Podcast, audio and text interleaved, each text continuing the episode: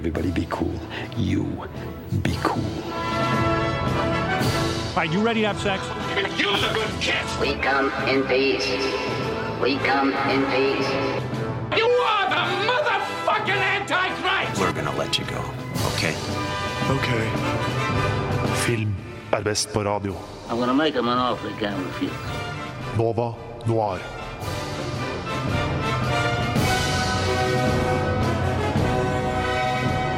God morgen der ute til alle filmelskere ute i den norske by. Eh, mitt navn er eh, Tage Rivas Tollefsen. I dag så skal vi snakke om mye rart. Det blir mange nye premierer som skal anmeldes, anmeldes. Men det er jeg ikke alene om å gjøre, fordi i studio så har jeg med meg tre, eller faktisk fire flotte hjelpere. Eh, den første hjelperen, den heter jo Bjørn. Hallo, Bjørn. Hei. Hvordan går det med deg? Jo, det går ganske bra. Og så har vi en annen liten luring som heter Simen. Hei. Hei, hei. Hvordan går det, Simen? Utrolig bra. Jeg er kjempeglad for å kunne være her i dag. Ja, så hyggelig. Og så har vi en uh, liten luring borti hjørnet som heter Ludvig. Hvordan går det? Hei. Han kan jeg ikke se engang, men uh, hvordan går det med deg? Uh, det går bra? Ja, ja, ja. Eh, hva er det vi skal snakke litt om i dag, folkens? Filmer. Ja, Ja. filmer. Ja, masse filmer. Er det noen spesielle filmer som har kommet ut? Jeg har sett Split, i hvert fall. Den nye thrilleren fra M. Night Shyamalan. Den er det mange som gleder seg til, veit jeg. Uh, Simen, hva har du sett? Jeg har sett uh, Live by Night, som er regissert av uh, Ben Affleck. Ok, kult. Stor gangsterfilm, ass. Uh, Bjørn, du har kanskje ikke sett noen uh... Jeg har ikke egentlig sett noe, i hvert fall ikke noe nytt. Nei. Og så skal jeg anmelde Moonlight, som er en uh, ny storfilm som kommer på kino neste uke, tror jeg. Eller nei, den kommer kanskje første uka i februar, som er en av Oscar-favorittene. Så det blir spennende. Men uh, først skal vi få til å høre Romare med Who to Love.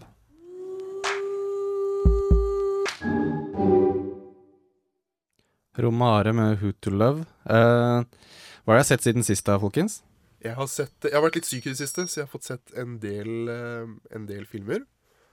Så det jeg så i går, som kanskje er litt sånn pile of shame, som jeg ikke har sett før, det var den aller første Indiana Jones-filmen. Den har jeg aldri sett hele Aldri? sammenhengende. Men all, de har kommet på Netflix nå, alle sammen. Ja. Ja, riktig. Alle sammen. Super excited. Det var også måten jeg så alle sammen på, da. Altså, den første. Jeg har sett den scenen på slutten, spoilers, med når de åpner denne boksen, og ting skjer med nazistene rundt der. Spesielt disse spe special effects og ansiktet til folk som blir blåst av gårde.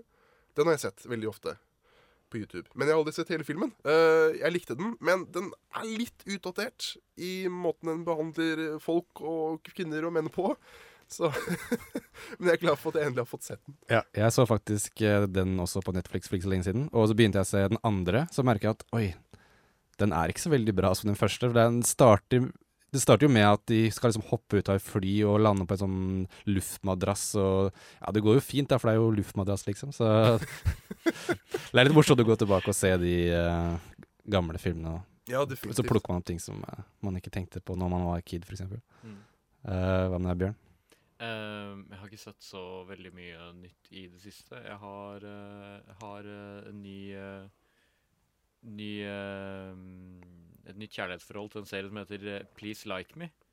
Uh, som Altså, som jeg ikke får nok av. Den, den er jo ikke ny, men den har kommet på Netflix i løpet av de siste fire månedene eller noe sånt nå. Og det er altså den triveligste, liksom mest joviale og sjarmerende serien jeg har sett på lang, lang tid. Hva er det det handler om, egentlig?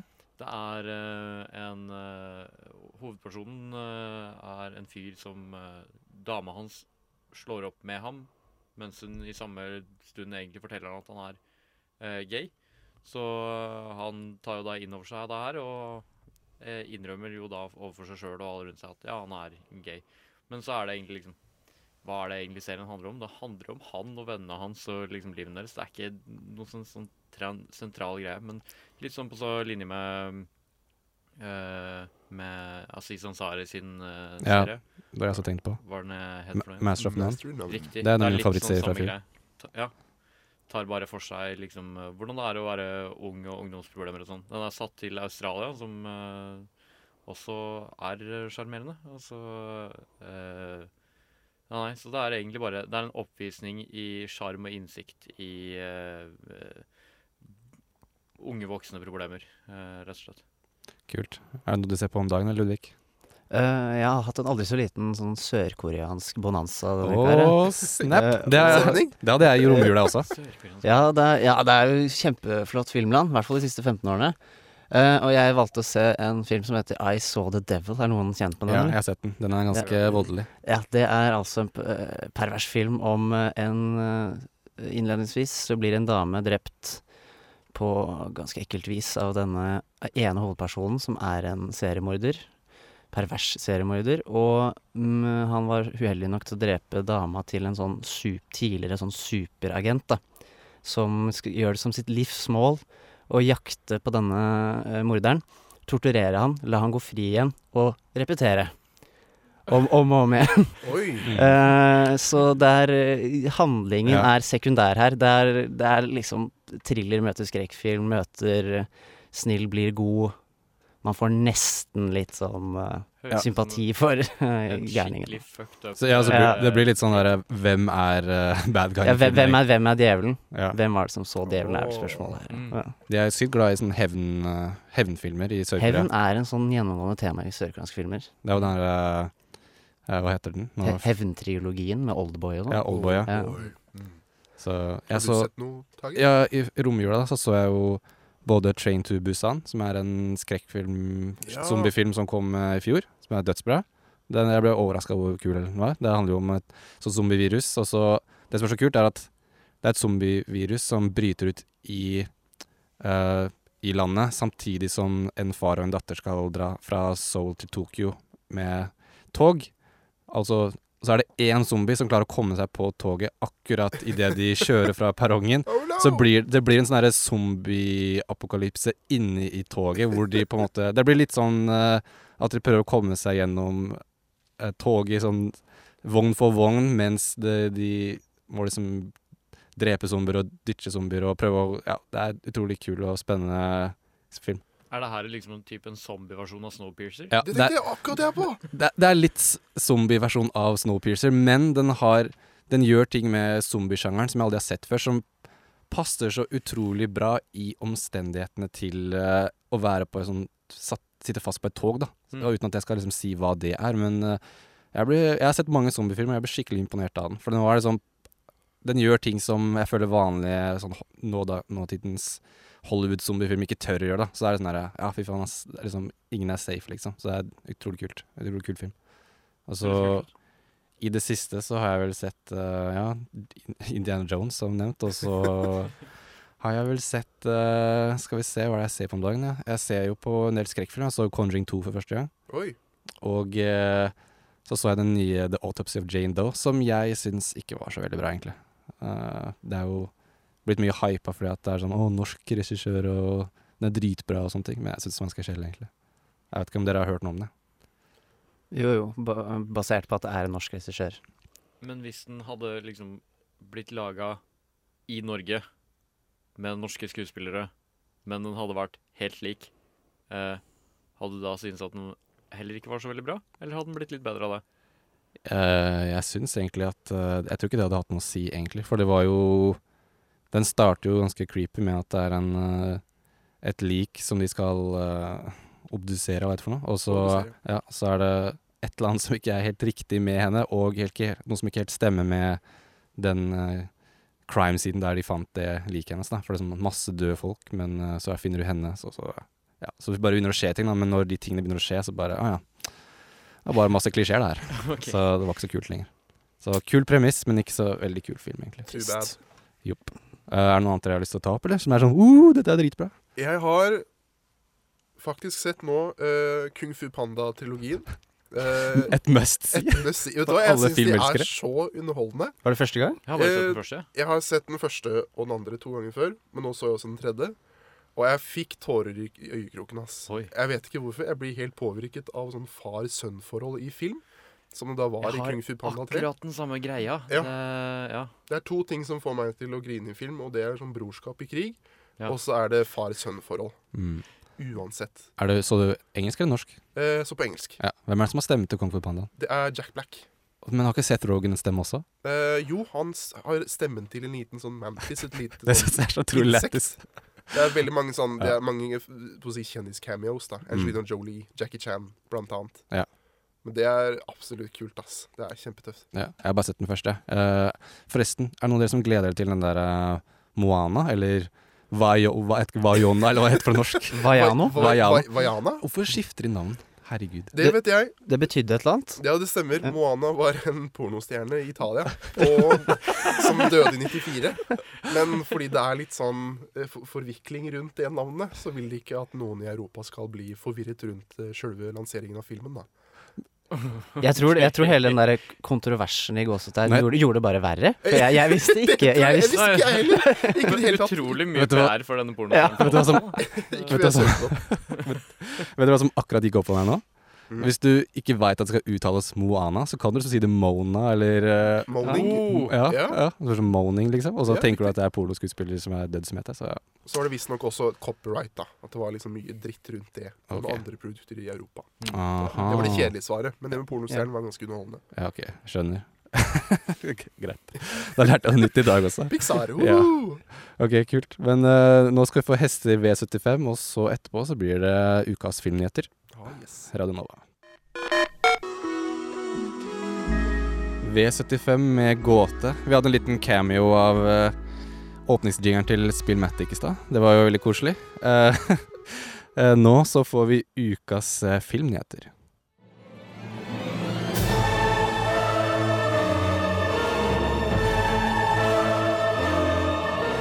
Well, hello, Mr. Fancy Pants. I got news for you, pal. You ain't leading but two things right now Jack and shit. And Jack left town. Nova Noir gir deg ukas filmnyheter.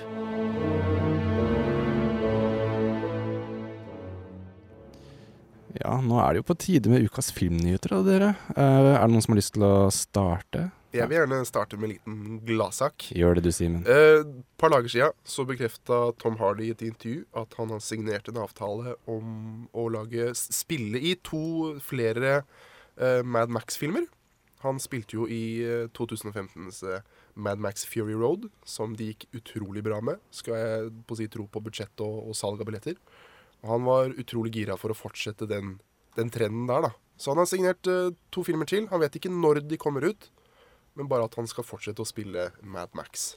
Det er veldig kult. Um, det var jo mange, uh, fikk jeg inntrykk av, som hadde var litt interessert i en Furiosa spin-off.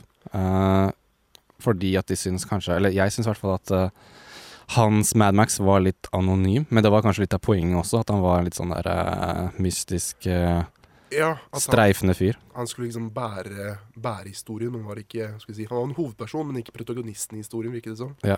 Eh, så Greg Miller, altså regissøren, han har sagt at han har skrevet utrolig lange bakhistorier for både Furiosa og eh, Mad Max. Så han har lyst til å utforske det dypere, da, rett og slett. Mm. Det tror jeg kan bli utrolig kult. Ja, helt enig. Jeg syns uh, Mad Max Fury Road var helt sykt bra. Så mer av det, for sure. Mhm. Uh, Bjørn, er du Jeg har Er du ikke våken? Egentlig noen uh, nyheter uh, per se. Uh, Ja. eh, nei. Nei? Det er en ærlig sak. Bare gammelt nytt, det er greit. Det er liksom det er begynnelsen av året og sånn, så det er mye av det som har gått rundt i 2016. Ja. Hva med deg, Ludvig? Jeg har klart å fiske fram noe drama, jeg. En litt negativ nyhet her. Drama. Det er drama allerede. Eh, det skal komme en film, eller har kommet, som heter A Dog's Purpose. Uh, lagd av Lasse Hallstrøm, som er relativt kjent regissør. Eh, og i denne filmen så har de eh, regelrett eh, Hva kan man kalle det? Dyremishandlet en hund. Oi. For For jeg, jeg antar at de selv mener at det er kunstneriske eh, grunnlag, men Pet PETA har jo kommet sterkt ut nå, da. Ja, Så nå er det jo diskusjon hva er det lov å gjøre for kunsten. Eh, og hvor, på hvilken måte de har mishandlet hunden på, er jeg ikke helt uh, forstått med. Det sto ikke. Nei. Det er jo drøyt, da. Ja, det jo- var noe med noen druknescene eller noe sånt. Oi Ja. Generelt okay. ikke, ikke plag hunder. Nei, eller de. Ja, det var liksom sånn uh, litt merkelig diskusjon å ta, men det, det ble ganske hett på kort tid. Ja, det skjønner jeg godt. Mm. Det er jo Nå kan ikke jeg så mye detaljer om det, men jeg vet at det er jo veldig vanskelig å få gjennomført sånne forskning på dyr og sånne ting, for at du skal jo Det er jo at det skal være etisk og sånne ting, så jeg mener at det er ikke noe annerledes med film kunst eller sånne ting. Nei, eller kunst må- generelt. At du kan ikke drive med å ha sånn live performance at du slakter dyr og, for moro skyld, liksom. Med mindre på å si, meningen med, med filmen Noen av meningen kanskje er å provosere, da. For man må vel vite det når man purposefully, i mangel på et bra norsk ord, eh, med vilje på å si rett og slett dreper en hund. At Ja. det kommer til å skape reaksjoner hos de som var ikke Den døde ikke. med. Den døde ikke? Nei, nei. Det blir bare Det er, skadet? eh, Ja, eller mis, mishandlet, sto det. Ok. Uh, og i hvordan vet vi ikke. Ikke ennå, i hvert fall. Uh, og det er i hvert fall de Det virker som det er PETA som stort sett har stemt, fram stemt på filmen på Internet Movie Database, for akkurat nå så ligger den på 1,1 av 10. Herregud. Og det, det tror jeg ikke de har Jeg tror ikke de har sett den, de som har gjort det. Jeg tror det bare er Det er ikke så rart, Det er en slags protest, vil jeg tro. Men er, er det, kan jeg spørre om ting? Er det sørkoreansk eh, som har lagd den, eller? Det, Nei, sånn som det sven- hev- svensk. Det var litt sånn hevnfilm Svensk. eh, over Det var litt sånn I saw the devil Ja. der òg. Skal drive med plage hunden om og om igjen. Asiater og hunder, er det det du Wow. Det er en stereotyp jeg ikke skjønner meg på. Nei, det er svensk, altså. Ja, ja. Ja. Nei, men uh, shit. Det er jo Nei, bare ikke. Der er jeg ganske hard på ikke gjør det. Nei. Hvis vi først skal gå dark, så, så, så kommer jeg for så vidt på en nyhet som kan være grei også, å ta opp. Det er jo uh, fordi uh, han uh, Affleck Han Mr. Ben eller Casey? eh, Casey Affleck. Ja. Han er jo nå saksøkt for seksuell trakassering, og det er ikke av liksom tilfeldige liksom, kvinner rundt omkring, men av altså, to profesjonelle kvinner i filmbransjen som han har jobba med. Uh, som har anklaga han ikke bare for å, å drive med seksuell trakassering, men også for å aktivt mobbe andre på settet til å trakassere dem. Uh, jeg husker ikke helt hvilken film det dreide seg om, men uh, Det handler om I'm Still Here. Det er Ja. en film fra Ja, riktig. 2011, Mm. 2012. Mockumentary med Joaquin Phoenix. Ja. Mockumentary med Fi- Joaquin eh, Phoenix, ja. Ja. Jeg, jeg leste den artikkelen, men slik jeg forsto det, så eh, ble han sagsøkt, og så gikk han med på et sånt forlik eller for noe.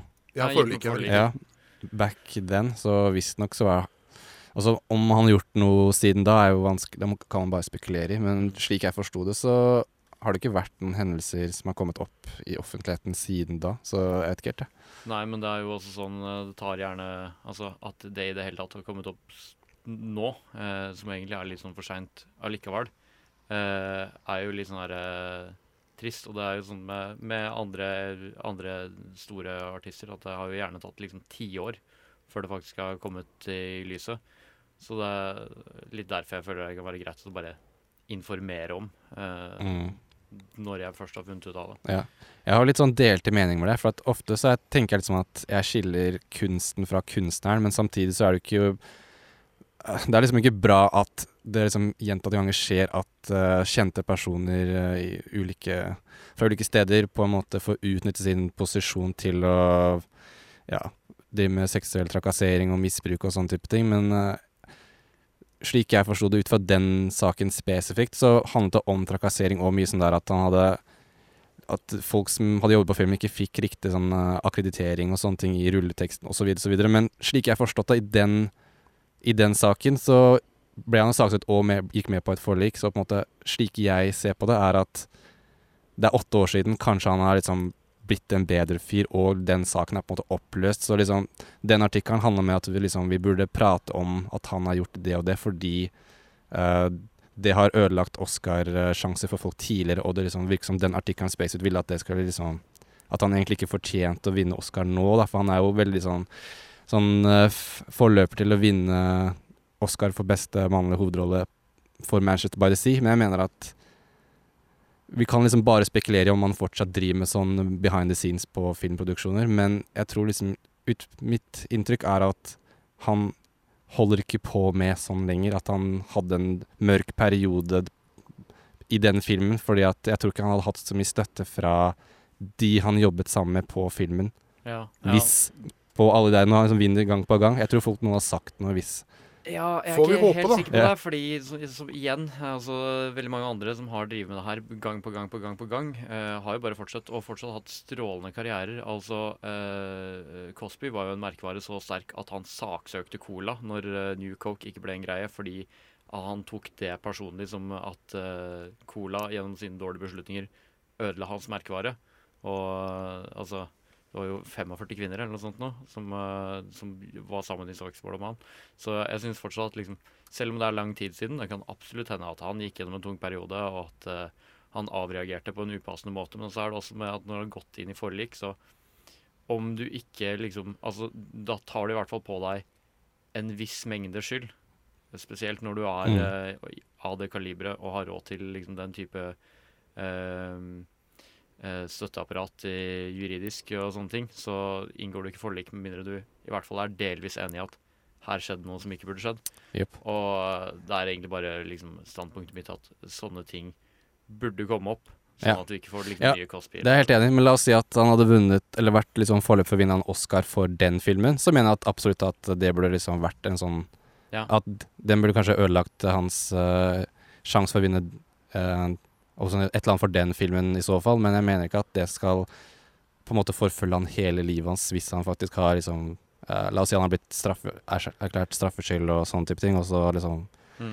Whatever. Jeg mener at liksom Jeg mener ikke at det som har skjedd da, på en måte skal hjemsøke han for alltid, ved mindre det faktisk eh, kommer opp nye saker da, fortsatt, eh, som viser til at han fortsatt holder på sånn som han gjorde da. Definitivt, men det er jo akkurat det at sånne saker blir snakka om, som ofte gjør at eh, det dukker opp liksom et mønster da, Ja. eh, senere. Så jeg mener absolutt det, og det skal også sies at liksom et forlik kan bare være noe som du inngår fordi du ikke har lyst til å liksom ta del i en lang og Mm. rettslig prosess. Absolutt. Så det, altså, skal ikke ta for gitt at han er skyldig. Jeg bare, det virker såpass Mm. eh, Det virker såpass eh, liksom stort, og han er såpass aktuell akkurat nå, at eh, jeg syns det kan være en grei ting å også liksom informere om. Ja. Absolutt. Helt enig der. Eh, min uh, nyhetssak er uh, Over til noe over, over til noe helt annet. En veldig lokal nyhet, fordi uh, tidligere i uka her så var det en artikkel på Dagsavisen som hvor de viste til at uh, Cinemateket i Oslo har hatt igjen eh, besøksrekord. Eh, Det har vært et stødig stigende besøkstall siden eh, 2015. Det er faktisk en økning på hele 16% siden 2015. Så, og det var jo for to år siden da at oppi et regjeringsforslag om at de skulle gå fra statlig drevet cinematek, eller ja, til eh, privat. Ja, og rett og slett eh, legge ut til salg. At private investorer skulle drive det. For de hadde ikke helt troa på billettsalget og videre drift da, til Cinemateket. Ja. Men eh, Stortinget slo ned på det at de måtte komme med noe bedre argumentasjon hvorfor det skulle skje. Og det, eh, det er ganske kult da, for de eh, på Cinemateket å litt eh, vise litt fingeren til eh, datidens Ja, det er jo det. Datidens regjering, for Ja. så vidt. Og det viser jo bare til at folk faktisk eh, vil se filmer på kino. da. Mm, og det syns jeg også gjenspeiler i Cinematekets tilbud. At de gang på gang på gang leverer veldig bra eh, program. da Rett og slett filmer som folk har lyst til å se. Ja. Og også filmer folk kanskje ikke vet at de har lyst til å se. Ja, og det er jo eh, Det blir sagt i artikkelen at, eh, at det er ofte filmer som de viser, som også finnes på Netflix, f.eks. Som folk eh, drar og ser på. Altså de er en av de liksom, best, best, mest besøkte filmene. Så det viser jo til at folk er litt lei av å se filmer på PC. At folk vil oppleve liksom, den der kinoopplevelsen. Mm. Og det er ofte når du går på Cinemateket, så vet du at de du går med, er veldig likesinnede. De er der for å oppleve den filmen for filmens del, da. Ikke, kanskje ikke så mye for en sosial greie. Sitte på mobilen, høre på musikk mens man ser på kino. Mens, ja, det er de har jo ofte sånn eh, innledning av en eller annen eh, bransjeperson eller filmskaper, eller at de har et eller annet sånn foredrag med en visning etterpå og sånne type ting. Så jeg syns eh, det Altså, jeg er jo en filmentusiast, men det er jo ikke bare jeg Det peker på at det ikke bare er jeg som setter pris på det tilbudet, men det faktisk er veldig mange andre i Norge som også liker det. Mm. Så det er kult. Uh, veldig uh, veldig sånn gladsak, egentlig. Ja, stå på Cinemateket. ja. Så jeg er egentlig bare veldig optimistisk jeg, for hva som skjer videre. Og da nevnes det også at, også at uh, det skal duk, dukke opp flere kinoer i Norge. Uh, F.eks. Kunstnernes hus har fått driftstilbud, så de skal begynne å ha sånn faste visninger i løpet av vinteren. Så, og så er det også eh, Vega Scene, som får fire kinosaler. Og det er også en kinosal som er eh, spesielt for dokumentarfilm. Så filmtilbudet for eh, litt sånn Ikke bare de vanlige kommersie kinofilmene, bare øker og øker i Norge. Så det er utrolig kult, egentlig. Er alt dette her offentlig? Ja. De du ramsa opp? Ja, det er, det er offentlig, det som kommer nå. Så ja, det er, det er bra ting i fremtiden for film, filmfans i Norge. Så det var egentlig ukas filmnyheter. Uh, nå får vi snart uh, anmeldelse av Marcus og Martinus-filmen av Tale. Yes. Eh, men før det så det, får vi høre Dan Kyle med Ego.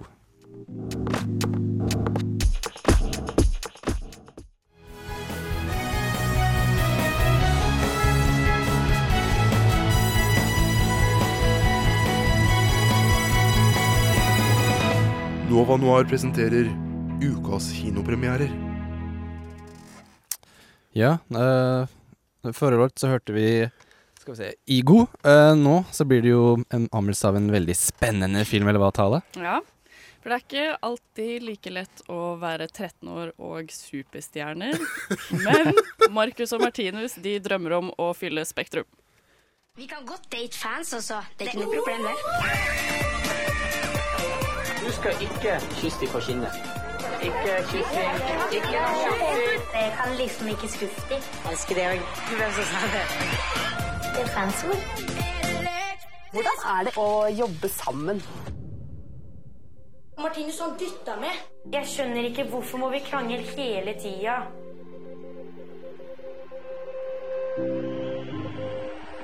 Dere skal liksom være sammen om det her.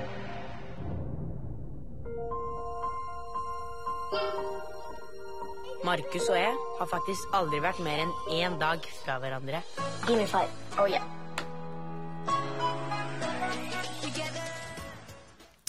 Her var det mye juice. Ja, det er saftige tenåringsproblemer her. Ja. I denne dokumentaren om Marcus og Martinus. Dokumentar, ja.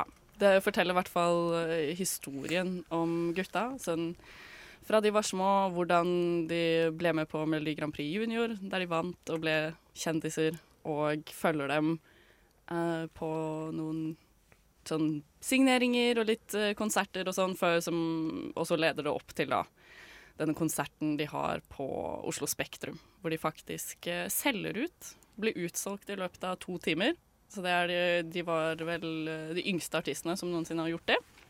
Kudos til de. Ja, Mad kudos props. til de. Ja. Men um, om det egentlig er så veldig interessant for andre enn fans av Marcus og Martinus, er vel heller litt, eh, er litt skeptisk til. Ja, for jeg har et spørsmål. Hva er ditt forhold til, til Marcus Martinus? Ja, Tale. Hva er ditt forhold til Marcus og Martinus? Utover at uh, jeg og venninnene mine ofte hø hører på de på fest, så uh, er Jeg har ikke så veldig mye eller stort forhold til de. Jeg syns de er søte, og det er litt sånn Jeg vet ikke, jeg blir så innmari rørt av sånn fandom. Det var litt det jeg satt igjen med etter den filmen, da, for det er eh, kanskje du snakket litt om hva du ble rørt av i, i stad, Simen. Men i fandom er sånn jeg blir kjemperørt av, nesten uansett uh, hvem det er uh, som er Hvem som er fans av hvem, holdt jeg på å si. Um, jeg har ikke så veldig mye større forhold til dem enn det, så jeg lærte heller ikke så veldig mye av å se på filmen. Jeg vet fremdeles ikke hvem som er hvem, eksempel. De har ikke noe sånn der er sånn- kjennetrekk. Sånn herre OK, Eyepatch. Markus er han med sleiken til venstre. Ja, sånn, Martinus med høyre. sånn, I starten ser de helt like ut, og så begynner det liksom Og sånn etter hvert hvor man kommer litt mer inn i filmen, da, så viser det seg faktisk at de er to forskjellige personer. Oh my God. Ja, Og så begynner den ene å ha litt lengre hår, og så er den, fant jeg ut at den ene er litt mer eh, tilbakeholden og litt mer sjenert enn han andre. Så han ene tar veldig over intervjuer og sånn, og så ble det sånn her krangling. Det er veldig sånn typisk eh, barnestjerne-narrativ, da, som vi har hørt før, liksom, med Justin Bieber og hele den greia der, at det liksom de er vanlige gutter også. De må gjøre lekser mens pappaen er på møter med Sony Music, liksom. Eh, og så er, er alt fryd og gammen tilsynelatende, men så, Men så krangler de. Så dytter Marcus Ja. Martinus, som vi hørte. Ja. Ja, som vi hørte i traileren. Ja. Hvorfor dytta du meg? Det er liksom, Så er det, han tok plassen min på scenen! Og så er det sånn, ja, det er slitsomt å være popstjerne, liksom. Wow, shit, det visste jeg ikke. Det var litt det som på en måte var vendepunktet, da. Ja, for, for det var egentlig det jeg lurte på. For, for det virker jo som en tilsynelatende en suksesshistorie uten like, egentlig. Egentlig. Men, men, men er, det, er det noe skal vi si, sånn spenningsmoment i, fi, i filmen? Det er vel det. En kurve? Det, ja, altså sånn, de prøver jo helt klart å gjøre det, men altså, det er jo ting man vet om fra før av, fordi man er kjent med den barnestjernehistorien. At det liksom Ja, det er slitsomt å være kjendis, og det er i hvert fall ikke lett kanskje når du er 13-14, da. Um, og man blir sliten når man krangler, men så går det jaggu meg bra til slutt. Og så går det bra til Ja. slutt. Og så selger man ut Så Spektrum. spiller, selger man ut uh, Spektrum, og ja, så var det litt sånn Prøvde de å lage litt sånn trist drama av at de ikke vant noen eh, Spellemannspriser og sånn, ja. De har mange år på seg, da. Ja, de har jo det, men det var. Ja, men sånn, de hadde den ene sjansen til å være de yngste som vant en Spellemannspris, mens neste år så har de ikke den. Å ja, OK. Da er det egentlig ikke noe vits, da. Nei, Ja. man kan jo bare gi opp, da. Legg opp. Ja, seriøst. Det må være kjipt å være de, ass. De vant ikke Spellemann. Nei, de gjorde ikke det, ass. Men, men du, du forklarte at det både var en dokumentar og litt sånn konsertvideo? Eller ja, altså sånn jeg, det er eh, Det er jo en dokumentar, men det er veldig mye også sånn konsertklipp, ja. Det, men jeg vil ikke kall, vil ikke kalt det en konsertfilm heller. Selv om sånn de siste ti minuttene eller noe er uh, bare filming inne fra Spektrum-konserten. Men uh, jeg vil egentlig heller litt mer mot at det er sånn en og en halv time lang promo. For det er sånn Det er Marcus og Martinus som selv forteller uh, historien sin, da, med voiceover.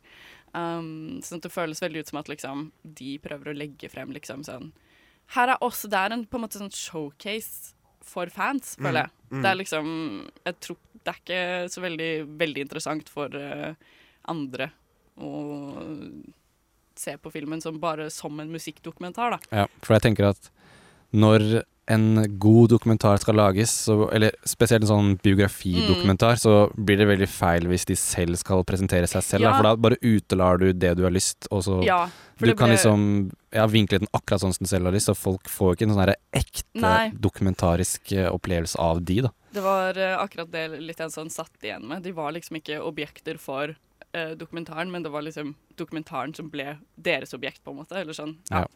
Så det var litt eh, Skjønner. Ja, det var litt rart, uh, rart valg, Ja. vil jeg si. Jeg tror egentlig sånn som du sier, at det var litt sånn cash grab-film. Ja. At liksom, ja, vi har nå hatt en superbra turné, og vi Mm. solgte ut Spektrum, og Ja. nå skal vi tjene enda mer penger Ja. ved å vise at vi gjorde det. Mm. Så, ja, så det er egentlig det Men så var den også søt og rørende og uh, ganske fin. Ja. Så jeg koste meg faktisk. Jeg gjorde gjorde det. det? Jeg gjorde det. Okay. Vil Ja. du si at du gjennom filmen nå har blitt en, et større fan av Marcus og Martinus? Nei. Det vil jeg ikke. Ok. Nei. Så Det var litt skuffende. Ok, ja, greit. Okay. ja. Sorry. Ok, Så det er eh, for fans, da, altså. For fans, det vil jeg absolutt si. Ok, er det noe Det blir litt rart å skulle gitt min karakter, da, men eh, objektivt karakter. Ja, for det blir vel å bedømme hvorvidt dokumentaren klarte å fortelle vet ikke, premisser Ja. på en god nok måte? Ja. Ja. Jeg sitter igjen med litt sånn Ja, det var, eh, det var koselig, men eh, ikke noe mer enn det. Det blir en sekser på Marcus og Martinus sammen om drømmen. ok.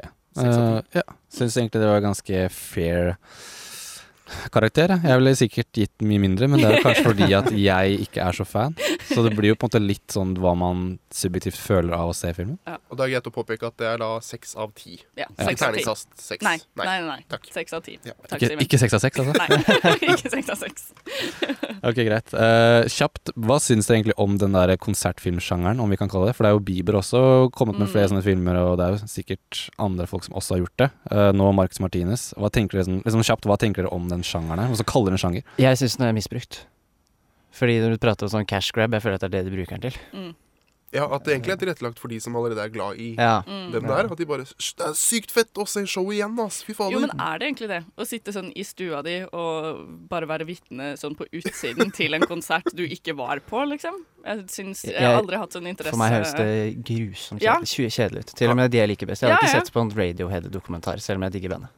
Det er sånn Jeg må si, Nå kom jeg på én sånn konsertfilm som var veldig interessant. Det var den derre Michael Jackson-konsertfilmen, Ja, men som ikke ble noe av, for han døde eller noe sånt. Ja. Eller hadde ja, ikke, ja. hadde ikke jobba sykt med den, men Jo, så jeg har sett en dokumentar, jeg òg. ja, men, men det ble jo mye mer enn dokumentar, da, fordi at han døde, sikkert. Det ble det. Ja, Så det hadde jo faktisk en historie å fortelle, da. Ikke Ja. bare 'dette er fett'. Uh. Mm. Ja, eh, du Simen, hva syns du om det konsertfilmgreiene her? Jeg syns det er ganske kult, jeg. Altså, hvis det er en artist du virkelig digger, og du bare har lyst til å, å, på å si oppleve den eh, konserten om og om igjen, så syns jeg det er verdt å kunne følge med på. Ja. Men ellers enn det Altså, det er jo åpenbart at det er for pengenes del. Mm. Virker det som. Ja. Ja, men jeg skjønner, sånn, Da ville jeg heller sett en dokumentar om Mm. artisten jeg liker. Eh, eller eventuelt typ sånn spillefilm, sånn Walk the Line-aktig. For nei, jeg, nei, det frister meg veldig lite å sitte og se på en full konsert. Mm. på en Ja, det blir mer som et supplement, da, Ja. i tillegg. Ja. Ja. ja, jeg er litt sånn delt, fordi jeg tenker sånn her hvis det er en eller annen artist som jeg digger som kommer med en eller annen sånn der film om hvordan de jobba fram til en eller annen sånn syk event som de hadde, så hadde jeg vært interessert i å se det, men Ja. samtidig så vil jeg liksom Jeg vil innerst inne at de skal klare å vinkle det sånn at det blir litt sånn At det blir noe mer enn bare sånn eh, Sånn kjapp cash grab, da. Fordi man kan gjøre mer enn bare å vise Uh, Filme hver dag fram til eh, Fram til konserten, og det derre Å, Markus ditt er meg. Ja. Det, det høres ut som de bare liksom putter inn der for å ha et eller annet. Det var- fordi det, det ja. sånn, liksom. det er så sykt lite konflikt, så de må bare kjøre inn et eller annet for at det skal bli litt intriger. Um, um, Foo Fighters sin Ja. serie, Sound City, synes jeg er liksom den kuleste måten å prøve å gjøre det der på, fordi du faktisk Du tar liksom arbeidet fram mot et album, men du prøver å relatere det over, liksom, overfor noe annet. Du prøver også å knytte ditt kreative arbeid opp mot uh, opp mot andre tematikker, steder, kulturer, uh, Mm. sounder osv. Det liksom Det virker som om det gir veldig mye mer enn bare sånn uh, uh, Liker du Leonard Cohen? Her har du mer Leonard Cohen. Her har du en time med Leonard Cohen akkurat sånn som du forventa. Ikke egentlig noe nytt og slående. Bare sånn Sånn, sånn ser han ut når han drikker kaffe og ja. Men er det en serie? Ja, det er er Sound City. Ja. Ja. Det har ikke jeg hørt om. Nei, ja, det er en serie. Mm. Det, jeg husker ikke helt uh, når den kom ut og, og sånn, men eh, det var skikkelig gøy å se på. Ja. Det var ikke favorittalbumet mitt av uh, Foo Fighters, men, Men fordi de har vel Det er en Foo Fighters-dokumentar også, som jeg har sett. Jaha. Som er Nå husker jeg ikke hva den heter i farta, det burde jeg sjekka opp. Men uh, den er sykt bra. Det er sånn man gjør det på riktig måte, føler jeg. Jaha. Jep. Ja, men eh, kult. Seks uh, av ti til Marcus og Martinus. Uh, ja. uh, Sammen om drømmen. Sammen om drømmen, Ja, det var det ja. var. Eh, nå eh, får vi Sus of Berlin med A Clock Would Never Tell, og etter det så skal eh, eh, Ludvig anmelde den nye storfilmen Split fra Shyamalan.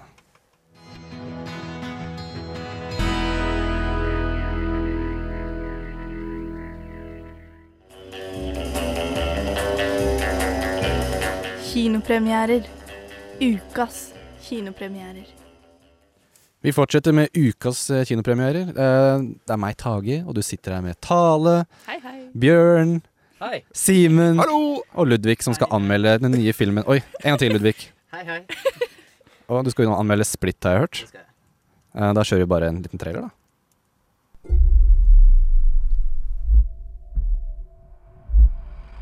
Hey,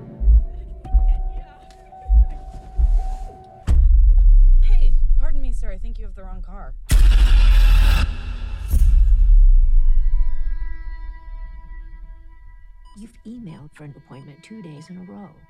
Tell me what's going on. I've never seen a case like this before. 23 identities live in Kevin's body.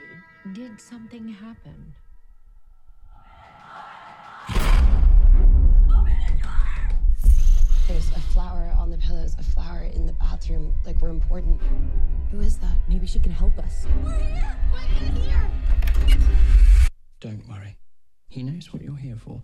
He's not allowed to touch you. He knows that. Mm-mm. Oi, oi, oi. Spennende, spennende. spennende. Eh, Ludvig? Ja? Hører deg veldig dårlig. eller Er det bare meg? Jeg vet ikke. Mm, jeg vet ikke helt. Eh, kanskje du skal bytte mikrofon med Simen? Ja, kanskje vi skal bytte. For jeg, I mitt headset så hører jeg deg veldig lavt, og det er dumt hvis du skal anmelde filmen. Går det bedre nå? Ja. Mm. Ja, der. Uh, ja, det handler jo om James McAvoys rolle her. Som Kevin slash Dennis slash Patricia slash Hedvig slash Orwell slash. Barry. Uh, og han lider av personlighets... Veldig alvorlig personlighetsforstyrrelse. Eh, og innledningsvis i filmen så er han sitt psykotiske Dennis og kidnapper tre jenter. Uh, hvorav Casey uh, er liksom hovedjenta. Og de blir låst ned i en sånn kjeller- og labyrintaktig kjellerlokale som er uten vinduer. Og de finner jo fort ut da at han ikke er helt frisk. Han er jo kidnapper fra helvete, vil jeg si. Eh, um, og nede i kjelleren der så er det hovedsakelig det, også Patricia, den middelaldrende damen som han er, som også er i kahoots med Dennis og er eh, også like gæren. Og så bor det ni år gamle Hedvig der. Som liksom var uh, den litt småflau rolle, Ja. vil jeg si. Eh, fordi jeg syns han spilte rollen Jeg syns han var en av høydepunktene der, som alle bortsett, bortsett fra Hedvig, da. Eh, eh, det, filmen er liksom delt i to. Det er eh, forholdet hans med disse jentene nede i kjelleren. eh, og når han er snakker med psykologen sin, oftest som noen av de litt mer sympatiske aliasene sine, som heter Orwell. Da er han enten Orwell eller Barry. Uh, og de er på en måte litt sånn joviale, litt sånn litt usikre gutter eh, som han snakker med psykologen sin gjennom. Og hun vet jo alt om hans tilstand, og vet eh, litt hva han er i stand til, eller hva han potensielt er i stand til. For det store mysteriet oppi denne filmen her er at, den, er at han kidnapper jenter, eh, hvor, da, hvor Dennis da sier at eh, han må ofre dem til beistet, og hele spenningen ligger i hva er beistet. Ok. Um, og han behandler liksom det begrepet litt religiøst, nærmest, gjennom, eh, gjennom filmen. Uh, og det uh, Jeg hadde liksom problemer med filmen. Jeg syns det, det skjedde så mye på en gang. Han prøvde å takle ekstremt mye på en gang. Shyamalan, altså, som er regissøren. Han kom for øvrig litt tilbake, vil jeg si, med den Mm. filmen her. I forhold til uh, mye av de greiene han har eh, de siste åtte årene, i hvert fall. Eh, men det er noen mangler, og det er en sånn Jeg syns for det første ikke at eh, at jeg syns mental helse her blir litt sånn bagatellisert, eller gjort litt banalt. Uh, og det syns jeg liksom ikke er helt greit overfor de som faktisk sliter med dette her, da. De gjør han liksom til et sånt monster uh, som er litt unyansert. Mm. Som liksom kidnapper jenter og eh, Og så blir han liksom Har han sånn morderiske tendenser i noen av dem og sånn. Mm. Eh, og Og det er jo litt sånn ellers- med at uh, er- de skaper jo en sånn fake lidelse også, som de liksom kaller eh, DID. Ja, det fin, finnes på ordentlig, men ikke så Ikke hardt, sånn, tror jeg. Det er veldig den derre myten også, som film skaper. Og så virker det som uh, inni der at han vet at han er for, forskjellig òg. Eller Ja. noen av personligheten hans vet Mm. at de andre finnes. Det blir veldig sånn karikert, da. Og satt Ja. på spissen. Og liksom, så er så er det jo feil, splittet feil, feilreklamering. Det er jo 23, 23 personligheter lever inn i Kevin, men vi ser jo bare åtte av dem. Ja, Ja. Eh, og så Ja, fordi du Tale så jo også den filmen. Ja, jeg var også med og så. Um, jeg er jo litt uh, Shyamalan-fan, kan man si. Altså, sånn, jeg liker, altså, når han gjør det bra, så syns jeg det er så jævlig bra. Og da går jeg alltid med Det er alltid veldig spent når han kommer med en ny film, om det på en måte holder, uh, holder mål. Denne var Jeg var litt, litt skuffa. Ja. Um, jeg tenker jo Shyamalan det, Han er interessant fordi at selv om han har lagd så sykt mange dårlige filmer, så prøver han noe nytt, på en måte. Ja. Han har veldig sånn Veldig mange kule konsepter, men Mm. uh, han har liksom ikke helt fått det til å funke siden hans kanskje tre-fire første filmer. Mm.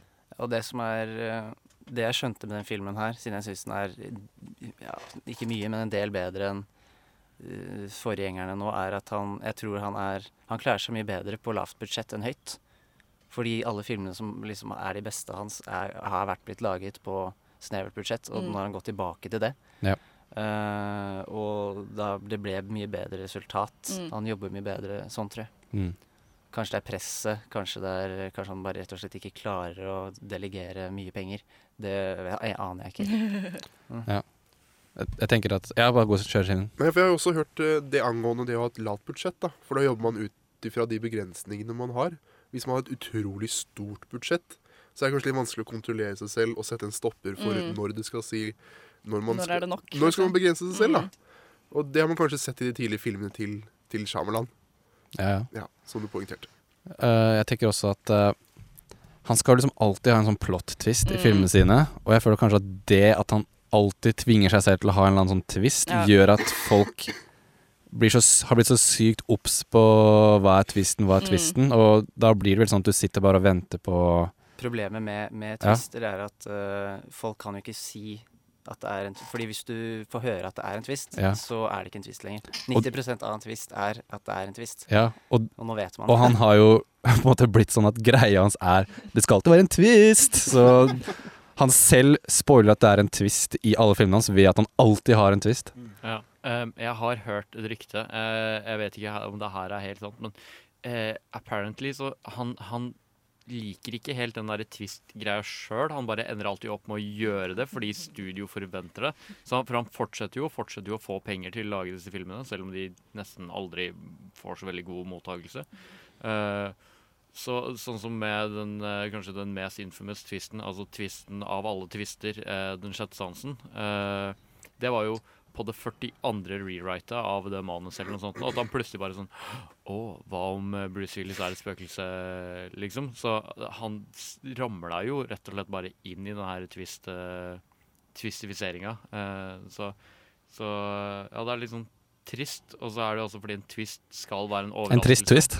Ja, det er en litt trist uh, twist på Shyamalan-historien, fordi en twist skal jo være en overraskelse, og ved at han er kjent for twister, så, så forsvinner jo det Ja, elementet. så blir det ikke en overraskelse lenger. Ja, helt enig. Uh, men uh, hva, liksom, hva føler du liksom var høydepunktene, eller, eller altså liksom, Var det liksom karakterene, eller var det Blanding, fordi det var litt sånn i, i, Spenningen lå jo i eh, hvor- hvorvidt disse jentene kom seg ut når de skulle løpe rundt i Når Ja. de omsider klarer å komme seg ut av enkelte dører og sånn. Når de løper rundt i dette Mm. litt sånn trange, klaustrofobiske kjellerlokalet, så føler du deg litt sånn ekkel. Og Ja. jeg følte i hvert fall at uh, det, var, det, var veldig ek det var veldig bra setting, for jeg følte at det var Mm. ekkelt og klaustrofobisk.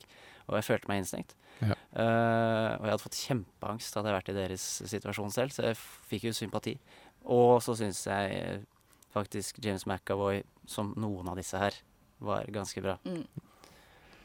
Um, Ja, hva tenker du, Tade? Uh, nei, jeg er enig. Jeg syns uh, også hun uh, Casey, hun The Main Girl, var ganske bra. Jeg syns den karakteren var kul. Det, hun hadde en del sånn dybde, syns jeg, som ble portrettert på en veldig elegant måte. Og sånn, hun ble satt ganske sånn kontrast til de andre to jentene, for de var egentlig ikke venner. Det var liksom tilfeldig at de satt i den bilen sammen, for de hadde vært i samme bursdagsselskap, liksom. Eh, litt eh, teit klisjé kanskje sånn i starten der, hvor du sånn skal portrettere hvor annerledes og grungy hun jenta er, ved at hun sånn sitter helt alene på enden av bordet og bare sånn zoomer skikkelig ut, inn på henne, at hun sitter og stirrer ut i lufta, mens alle de andre jentene har det skikkelig hyggelig. Sånn, og, hun her er Ja, outsider, ja, så hun ok? er annerledes. Jeg syns hun var litt for sutrete innledningsvis. Og så Ja, jobbet, ja, jobbet hun seg oppover. Ja, det er jeg så det var karakterutvikling der, syns jeg. Og så var det noen sånne litt her og der som var litt sånn ødeleggende for meg i forhold til å sette meg inn i filmen. Det var sånne merkelige forsøk på vitser. Det begynte med sånn der Faren til hun ene jenta på starten skulle cracke en sånn rar joke. Og da trodde jeg at det var liksom det satt, og Siden det var så tidlig, tror jeg at det satt tonen. Sant? jeg skal være litt morsom. Men det var den jo ikke. Det- Og så midt inni her og der kommer det sånne smågreier. Og så spesielt når han skal være der lille jenta, da. Den ni år gamle. Sånn Er det ikke en gutt, da? Hedvig? Ja. Hedvig er det til jentene. Det er jo ikke nødvendigvis det, er det vel? Det tror jeg det er. Altså, uglen til Harry Potter heter jo Hedvig, Jo, den jo. Men det er, en, det er en jente. Jeg vet ikke. Ok, det er kanskje Ja. sånn Ja. Og jeg generaliserende fikk inntrykk at det var, sexistisk, sånn- og jeg fikk inntrykk at det var jente. Jeg fikk veldig inntrykk at det var en gutt, sånn her, fordi han sånn digget Cody West og drev og sånn danset på sånn guttemåte, syns jeg. Kanskje mannsfatteren sånn ikke vet at det er et jentenavn. For for meg er det kun et jentenavn. Men det er en diskusjon for en annen Ja, gang. ok. men- Ja. Ja, det var, ja, den dansescenen, den Kanye West-greien, var også litt sånn skal, skal vi tilbake til de morsomme Ja, greiene? Ok, ok. okay. Og, så, og så dropper vi den. Og, ok. Ja, for jeg føler han var litt sånn Eller Hedvig, da, var Ja. litt sånn comic relief, uh, nesten. Ja, men det var en film som eh, ikke trengte comic Nei, relief. ikke i det hele tatt, egentlig. For det høres nesten ut sånn som, eh, i likhet med alle disse karakterene som hovedpersonen portretterer, at Mm. filmen ikke er helt sikker på hvilken rolle den skal ta. Å, veldig fint eh, sagt, Simen. Her kommer innspill. det var veldig bra sagt. Eh, ja, men det er jo stort sett det jeg har å si om filmen. Ja, jeg var er en- egentlig enig i det, altså, Simen. Jeg tror den greier ikke helt å bestemme seg. Det var, altså sånn teknisk arbeid var helt greit. Ja. Ik ikke noe sånn mind-blowing eller dårlig. Mm. Mm. Ja, for at eh, det kan jo fort ødelegge den med tonen. Fordi for eksempel, jeg kan jo så Ten Cloverfield Lane, som kom i fjor. Jo. Den også er en sånn derre Man Mm. er på en måte fanga i en Mm. kjelleraktig type film, og du liksom får følelsen av at uh, det er, Den holder liksom en sånn seriøs tone hele veien. da Det hadde blitt veldig rart hvis det plutselig skulle blitt sånn uh, komisk Ja. inn i situasjonen. Den likte jeg veldig godt, ja. faktisk. Så ok, men vi må nesten ha en karakter, eh, Ludvig. Dere kan ha hver deres, da, så, okay. siden begge har sett den.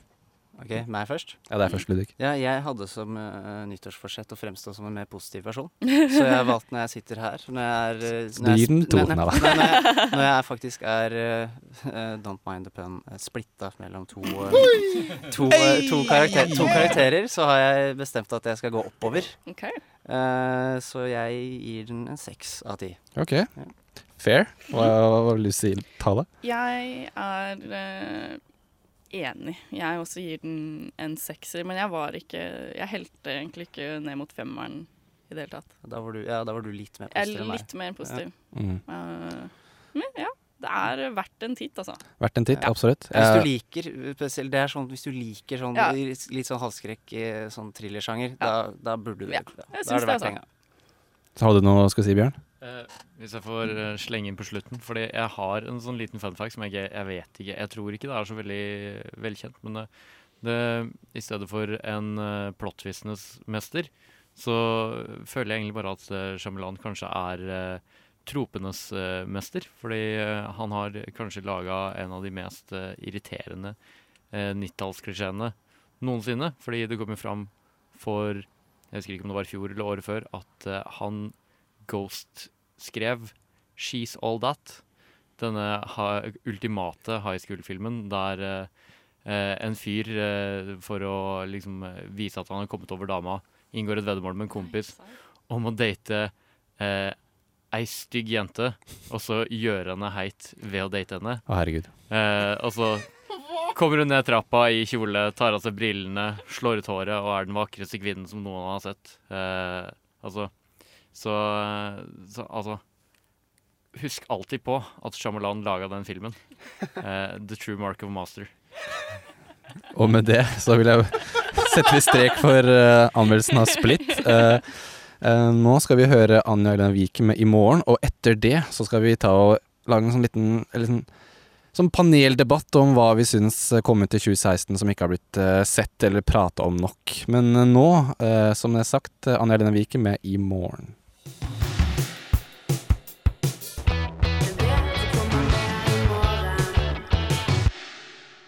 Nova Noir så liker vi all slags type film, spesielt norsk film.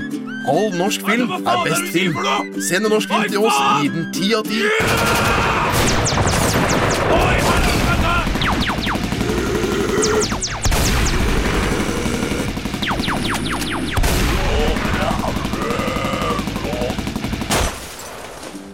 Nå Noir. Vi liker fortsatt ikke kommersiell bullshit. Oi, oi, oi. For noen grove ord. Fantastisk jingle hver gang! Fy fader. Ja, det er nydelig. Uh, det kom jo mye bra ut i 2016, men så er det mye bra som kom ut som folk uh, ikke fikk med seg fordi at uh, kanskje den ikke var så mye reklamert i Norge, kanskje den ikke ja, hadde så mange kjente skuespillere, kanskje den bare rett og slett uh, virka litt sær. Kanskje den rett og slett ikke var en Marvel-film.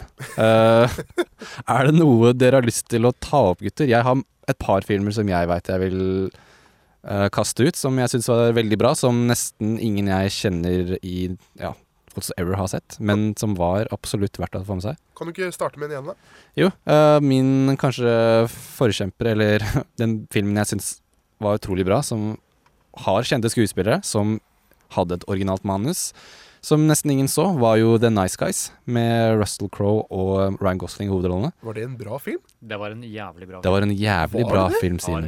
Wow! Basert på at altså, jeg kan, jeg kan hende at jeg forhåndsdømte pga. traileren. Jeg bare synes det så ut som en run of the mill buddy cop-type. men- Sjæl, jeg tenkte også det. Helt til det sitter mange folk i redaksjonen her og syns det var kjempebra film. Det skal sies at jeg kjenner også altså, spesifikt én person som virkelig ikke likte den, som eh, egentlig har ganske greie på film. Så, så jeg tror det er litt sånn der eh, love it or hate it, muligens. Men jeg også syns den var helt fantastisk. Altså ehm, Det er et eller annet bare med den filmen som skiller den fra andre buddy cop-filmer. Litt fordi at den kanskje tar sted i 70-tallet. Det er sånn 70-talls uh, buddycop noir med Russell Crowe og Ryan Gosling, men det som selger filmen skikkelig for meg, eller solgte den for meg, var at den dynamikken og den derre banteren mellom eh, Gosling og Russell Crowe de, sånn, de har en sånn kjemi Kjemi i filmen som bare er helt sånn magisk, og det ser man man, på sånn presseintervjuer og sånne type ting. At de som Det virker som de elsker å lage filmer med hverandre, og jeg syns det er, Ja, det bare oste ut gjennom uh, skjermen da jeg så filmen. Det ser ut som om det var skikkelig gøy å lage den filmen. Ja. Så Mm. kult. Altså, Det burde jeg egentlig fått med. Min crush er jo Ryan Gosling. Altså, Ja. Jeg burde egentlig få med alt han lager. Så, eller er med, i hvert fall. Ja, Det var jo Shane Black som uh, regisserte den. Han har lagd Kiss, Kiss, Kiss Kiss Bang Bang, tror jeg. Han er kjent for sånn eh, kjapp, kjapp, kjapp kommentarhumor. Ja. han ja, liker jeg. det er det definitivt. eh. Så Men liksom, jeg føler liksom at litt av problemet med Hollywood nå om dagen er at alt skal liksom være basert på noe som har kommet tidligere. Mm. Og så når det kommer den ene, eller en av de få originale komediene som er, har veldig smart manus og veldig godt laget, og med morsomme presentasjoner fra kjente skuespillere, og så blir den Så gjør den dårlig på box office, så syns jeg er veldig synd, fordi at den er en veldig bra film, i mine øyne. Har du noen tanker om hvorfor den ikke gikk så bra, da? Altså, Du har snakket om det bra regissør, bra skuespillere, tydeligvis bra manus. Altså, Er det noe peiling på hvorfor den ikke funka? Altså, Kan hende at det er markedsføringa, sånn som dere så. Da syns traileren så rar og teit ute. Så bare at det så ut som en sånn cheesy, dårlig film. Så kanskje Mm. folk ikke så den, rett og slett. Ja. Jeg vet ikke, for at jeg ser jo en del på filmpodkast og sånne ting fra USA, og alle sånn kritikere elska den, men massene bare Hva er det her for noe, liksom? Åh. Så, så, så kanskje de som så traileren og syntes det så utrolig fett ut, ikke fikk det de hadde lyst til da de gikk og så filmen? Ja, eller kanskje at uh, altså folks uh, Den alminnelige personen på gata ser filmen bare The Nice Guys. Hva er det her for noe? Det ser teit ut. Jeg orker ikke se den. Jeg vet ikke. Det er vanskelig å si, egentlig. Jeg tror, for det virka som om liksom Egentlig Altså, jeg vet ikke hvorfor den fikk så dårlig audience score, egentlig. For det virka som Altså, de aller, aller fleste som jeg kjenner som faktisk har sett den, synes jo, selv om de liksom ikke var noe veldig entusiastiske når de var ferdige, syntes det var kjempemorsomt. For den er jo morsom. Er, det, er, det er god komedie. Altså, det, altså ikke For ikke snakke om at det, det har liksom en sånn ferskhet over seg. For det er så det er så dysfunksjonelt, men det er på en måte som du liksom altså de, altså, de gjør det samme gang på gang på gang i løpet av filmen. Jeg forventa ikke at det skulle liksom gå som det går en eneste gå som det liksom gikk. Altså, resultatet var akkurat samme hele tida, og jeg ble fortsatt kjempeforvirra. Det var som om noen bare liksom tok uh, Tok uh, Rush Hour-filmene og bare eh, polerte det til det ble ordentlig film, liksom. Mm.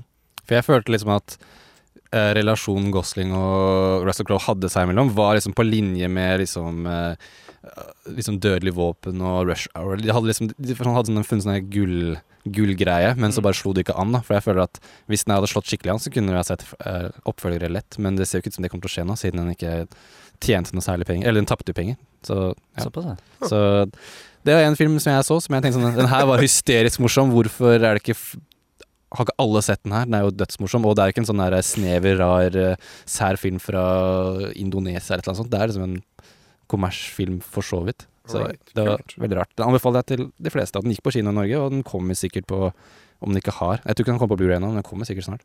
Så den, det er et tips fra meg, i hvert fall. Uh, om dere gutter, har du noe? Uh, jeg har uh, eh, Er det noen av dere som har sett Preacher? Jeg så tre første episodene, så falt jeg av, for jeg syns det var litt for treigt. Du dessverre. også? Ja. jeg har også sett de to-tre første episodene og falt av fordi jeg syns det var for treigt. Du har ikke, du har ikke sett noe i det? Nei. Nei. Jeg, jeg syns det er eh, så utrolig rart, fordi eh, Altså, jeg begynte å se på den serien. Det, altså, nå er jeg antageligvis biased, fordi eh, jeg, jeg leste liksom tegneserien for da jeg var sånn 13 eller noe sånt nå. Så um, Som for øvrig er en altfor tidlig alder å lese disse tegneseriene på. Ja, muligens. Eh, det er altså Det er Altså, eh, hvis du har sett serien, den er ganske voldelig og moralsk forstyrra osv. Tegneserien Gordon en høy gang. Bare i liksom bare ren sånn derre Du kan ikke lage den TV-serien, eh, rett og slett. Men uh, Bare det blasfemiske innholdet alene. Men uh, jeg, jeg er veldig fascinert over at uh, Fordi det er, sånn, det er en sånn film som er Den er såpass godt produsert at du kan nesten pause filmen Nei, pause Se- serien eh, hvor som helst. Altså når som helst. Og det kunne blitt en ganske bra screensaver, liksom. Det er, det er, altså, det er, så, det er vakkert. Allting er vakkert. Det er godt skrevet. Dialogen er god. Uh, det er uh, utvikla av uh, Seth Rogan og Evan Goldberg, som Ja. liksom anta, blant annet også lagde uh, Superbad. Ja, liksom, det er sånn Problemet er at jeg elsker de to, og jeg syns at eh, altså, premisset for serien uh, virka dritkult, men det var bare et eller annet med pacingen som bare funka ikke for meg. For at jeg, jeg liker jo eh, Jeg liker ofte serier som tar seg god tid, men det var bare et eller annet med at den liksom brukte seg sånn litt for lang tid med å bare komme dit jeg ville. For det var sånn- liksom litt for få sånne kule moments i hver episode, i starten i hvert fall, som gjorde at jeg liksom ble sånn her OK, gleder meg til neste episode, på en måte. Ja, for jeg hadde akkurat samme oppfatning som deg, Tage. At det ikke var nok elementer som hooka meg rett og slett raskt nok. Og jeg skjønner jo at på bakgrunn av det du sier, at kanskje hvis jeg hadde gitt litt mer tid, Mm. at de kunne ha gjort det. Men, men av de to-tre episodene jeg så, tenkte jeg at ja, OK, kult nok. Ja, jeg syns, jeg, jeg, jeg syns det er rart, for jeg kjenner meg aldri. Men så igjen så er det sånn her, fordi jeg tror jeg tenkte det allerede når jeg leste liksom, uh, tegneserien første gang, at, uh, at det her burde være en serie. Uh, det var ganske tydelig. Det viser seg også, Jeg gjorde litt research. Han, han som har skrevet Han laget tegneserien, Garth Ennis, han, han hadde nøyaktig den samme liksom, ideen, så han skrev et screenplay liksom, allerede et år etter at, at tegneserien var ferdig, eller noe sånt noe. Men så, så igjen, jeg tror jeg kanskje bare er grundig biased, men jeg synes det er så rart. Fordi jeg pleier også greie å distansere meg fra ting sånn sett. Men uh, det her synes jeg bare Men kanskje det bare traff meg veldig bra, for jeg synes liksom at det var liksom noe å hente ut fra hvert øyeblikk. Men det skal også sies at det er litt for strakt ut, fordi det er ganske mange karakterer som er liksom introdusert som egentlig ikke trengte å være der, osv. Fordi jeg tror hele første sesong tar egentlig liksom, finner- liksom egentlig sted eh, før side tre i tegneserien. Et eller annet sånn, fordi det, ting skjer veldig fort. Sesongavslutningen eh, i sesong én er liksom det første jeg huska fra tegneserien. Eh, igjen, det er lenge siden jeg har lest den, så det er mulig å huske feil. Men, eh, men jeg syns allikevel at folk bare skal gi det en sjanse, og så holde ut til eh, episode seks, da. Så tror jeg det er Bare se seks timer, så er du inni. Ja. Inni. Ja. Men, ja, eh, jeg tror for min del at jeg er blitt så bortskjemt med at alt kommer på en gang. Så noen serier, hvis det ikke jeg hooker meg tidlig, så på en måte slutter jeg å vente på serien når det kommer ukevis. Bare altså, la det stå på. Altså, en oppfordring til alle der ute. Bare la, gå inn på Viaplay, sett, sett det på, la det bare stå på og rulle i bakgrunnen, sånn at jeg får en sesong to. Uh, fordi- Ja, men det kommer sesong to, så Ja. det, ikke, ikke stress med det. Sesong tre også, da, uh, eventuelt, fordi jeg syns det er og jeg tror sesong to da kommer det virkelig til å Da skjer det ting, ass. Nå er ting i fritt fall. Da smeller det. Ja. Nå skjer det virkelig ting. Ja. Uh, Ludvig, har du noe? Du sa jo før at du ikke egentlig syntes det var så mye fra 2016. Uh, jeg likte ikke året veldig mye, men jeg har, litt, eh, jeg har lyst til å prate om TV, jeg òg. Ja. En liten shout-out til en serie som heter Billions. Har dere vært borti tittelen i det hele tatt? Jeg har sett uh, halvparten. Jeg har hørt om den, men jeg har ikke sett noen episoder. Nei. Ikke hørt noe. Nei, ja, eh, eh, ja, for det var en serie som kanskje største overraskelsen for meg personlig gjør, fordi det handler om Det er mye koneintriger, og det han, handler om eh, rike, eh, rike, rike hvite menn uh, som prater mye om penger. Uh, og det er to ting som absolutt ikke interesserer meg i det hele tatt i film og TV. Mm. Men denne gangen gjorde det. Og, og jeg vet ikke hvorfor. uh, sikkert fordi den er vel, Jeg syns den er vellagd. Det er han godeste Damien Lewis, Homeland uh, Mm. Eh, Band of Brothers-typen. Som er fantastisk i Ja. alt han gjør. Ja, faktisk. Absolutt. Og han spiller jo aldri engelskmann. Ikke her heller. han er eh, Premisset er at det er eh, han og Paul Giamatti spiller henholdsvis Damien Lewis spiller en fyr, fattig fyr, tidligere fattig fyr fra New York, blitt milliardær. Paul Giamatti spiller en som er oppvokst veldig rik og har tatt en offentlig jobb som advokat, så han De har gått hver sin vei for hver sine ting. De har veldig ulik syn, moralsk syn. Mm.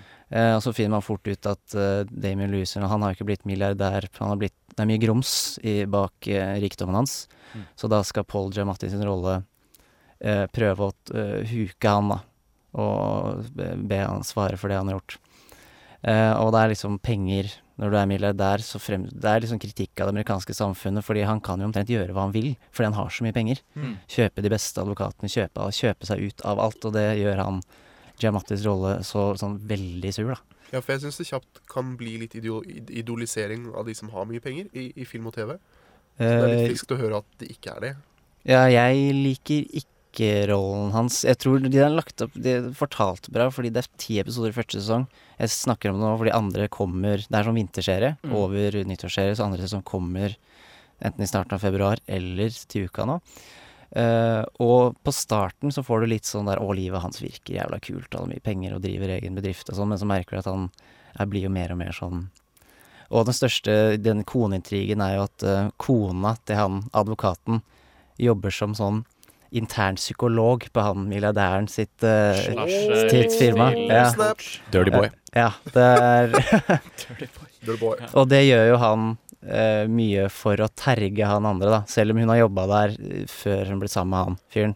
Men det, det erger jo han advokaten kjemper med også. Men jeg må jeg bare Fordi altså, du sier at det er sånn en kritikk av uh, hvite Jeg- menn med mye penger. Men eh, jeg er ikke helt sikker på om det, det vil være det for alle som ser på. Det er det som jeg Nei, nei, jeg og, og er du, du, du er BG-gutta elsker jo sånne Ja, fordi folk. jeg tror De, hvis du er liksom De vil bli sånn, stereotypisk eh, BE-gutt ja, men det er som, det er eh, som Wall Street-filmen. ja. Jeg, jeg syns jo han eh, der er Det er negativt for Altså, meg. Den, den filmen- Men det er mange som elsker den figuren. Samme med Wolf of Wall Street òg. Ja, det er mange som øh, elsker DiCaprio-figuren. Yes. Eh, Wall Street-filmen er jo Den er spesifikt laga for å liksom rette kritikk mot rike Wall Street-figurer og konsekvensen var Men det funka omvendt mange ganger. Greed is good. Eh, det er sånn her, det, det, er sånn, det er de som var enig med liksom originalintensjonen, som var sånn derre sånn der, Ja, nei, eh, å være grådig, det, det, leder til en slippery slope. eh, og så bare sånn Å, helt ålreit film. De som liksom bare sånn herre Ja, grådighet er bra. Det er liksom ble mantraet deres. eh, det er liksom mest innflytelsesrike um, Mange sånne type historier går mot sin hensikt. Mm. Ja. Så, ja. Så for å s- eh, oppsummere uh, The Nice Guys, um, Preacher mm. Sa du noe, Simen?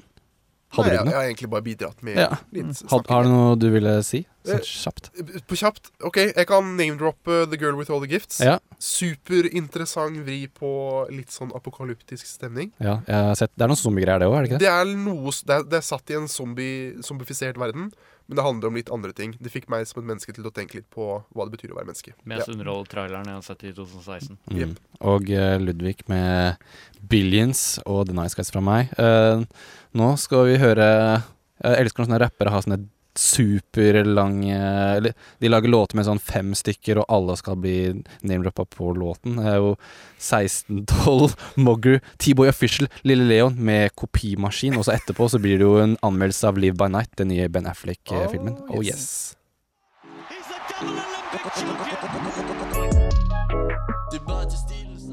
Ladies and gentlemen, welcome to violence.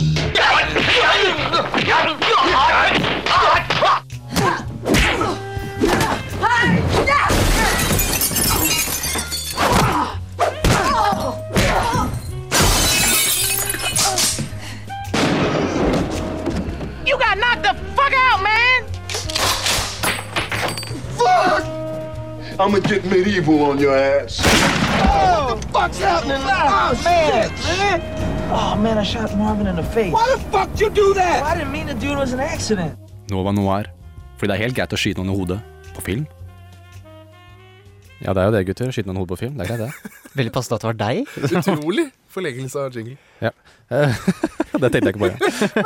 Eh, det er jo en ny eh, storfilm, om man kan kalle det, som har kommet denne uka her. Den nye filmen til Ben Affleck. Absolutt.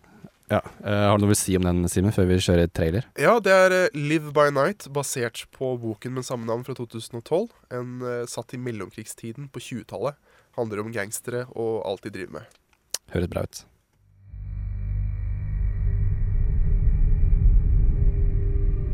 Maybe it's true. We all find ourselves in lives we didn't expect. But what I learned was powerful men don't have to be cruel. I got one guaranteed life. I was gonna live it. I had a plan. Ja, det høres ut som han har en plan. Ja, det høres sånn ut. Høres ut som Batman òg. Ja, det var veldig dyster, dyster trailer, syns jeg. Etterlevninger av Batman. Hva, hva? Ok, Simen. Hva handler denne Live by Night om, for de som ikke har lest boka? Det kan, det kan jeg forklare.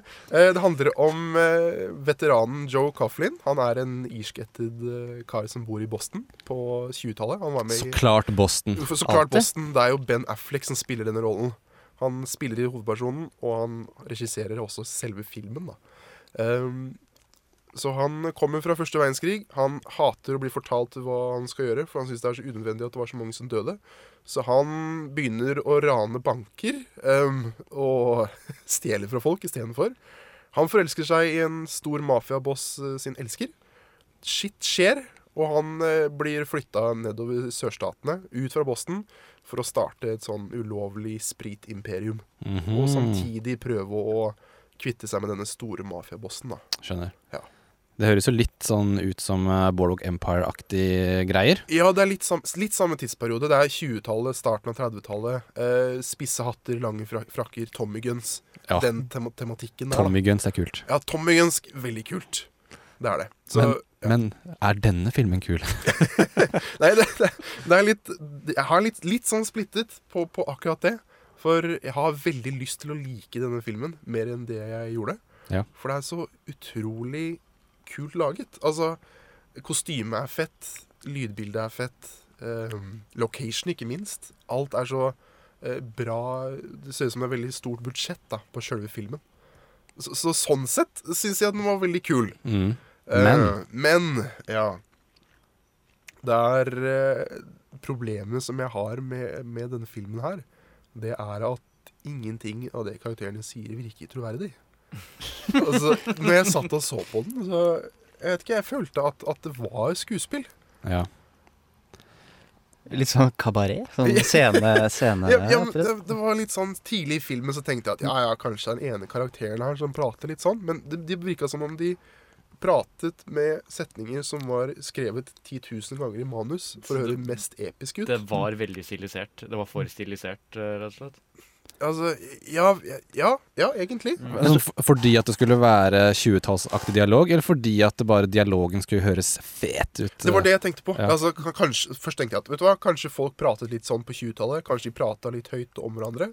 Men nei, det var ikke det. For jeg, jeg regner jo med at folk på 20-tallet også prata som om de prata med hverandre. Da var det mye dialog som om de pratet om hverandre. Altså, Tror du dette var hensikten, eller eh, tror du det var ufrivillig i produksjonen? altså det blir jo spekulering, men, men jeg føler Hva fikk du inntrykk av, da? Jeg fikk inntrykk av at, det, at hensikten var å lage veldig fett manus. Folk ja. som sa kule sitater, men at det ikke funka. Ja, jeg skjønner. Ja, uh, For, hva, har dere sett noe særlig av de andre Baffle, uh, Bafflecks, ja. Ben Affleck eh, regisserte filmene? Han har jo Gone Baby Gone og uh, The Town. Mhm. som jeg, yeah. De to så jeg i juleferien, faktisk. Mm. Og Argo, som han vant Argo, ja. eh, Oscar for. for eh, var det regi eller beste film den vant for? Husker jeg ikke. Regi, tror jeg. Regi, ja. Ja. Vi sier det. Jeg har sett Eh, Argo. Jeg, jeg Eh, likte Nei, den det er beste film. Beste Ja. film? Ja. ja, han vant ikke regi, med beste film. Det var Ang, Ang. Lee, tror jeg. Ok. Jeg har sett Mm. Argo. Ja. Jeg likte alle de tre du nevnte der, uh, for å svare på spørsmålet ditt. Ja, ja, ja. Ja. ja, for det er det som er greia med Affleck, da, er at uh, han har gjort det opp og ned som skuespiller, men så har han eh, plutselig begynt å regissere, og så bare har han liksom bare levert film på film på film som bare var killer, for å si det på Mm, dårlig mm. norsk. Det var liksom bra film på bra film på bra film, og så nå også kommer Live by Night, som er eh? Som er eh, rett og slett. Som sagt, jeg er utrolig glad i gangsterfilm. Jeg syns det er så fett, den tematikken. I mangel på bedre ord. Men, men den her eh, skuffa meg, rett og slett. Skuffa deg, rett og slett. Ass. Hva, hva tenker vi om det? Er det betyr at eh, For det var jo mye hype rundt at Ben Affleck var det sånne beste med Bat Batman vs. Superman. Og så skulle det sånn Å, han må regissere Ben Affleck sin eh, solo-Batman-film.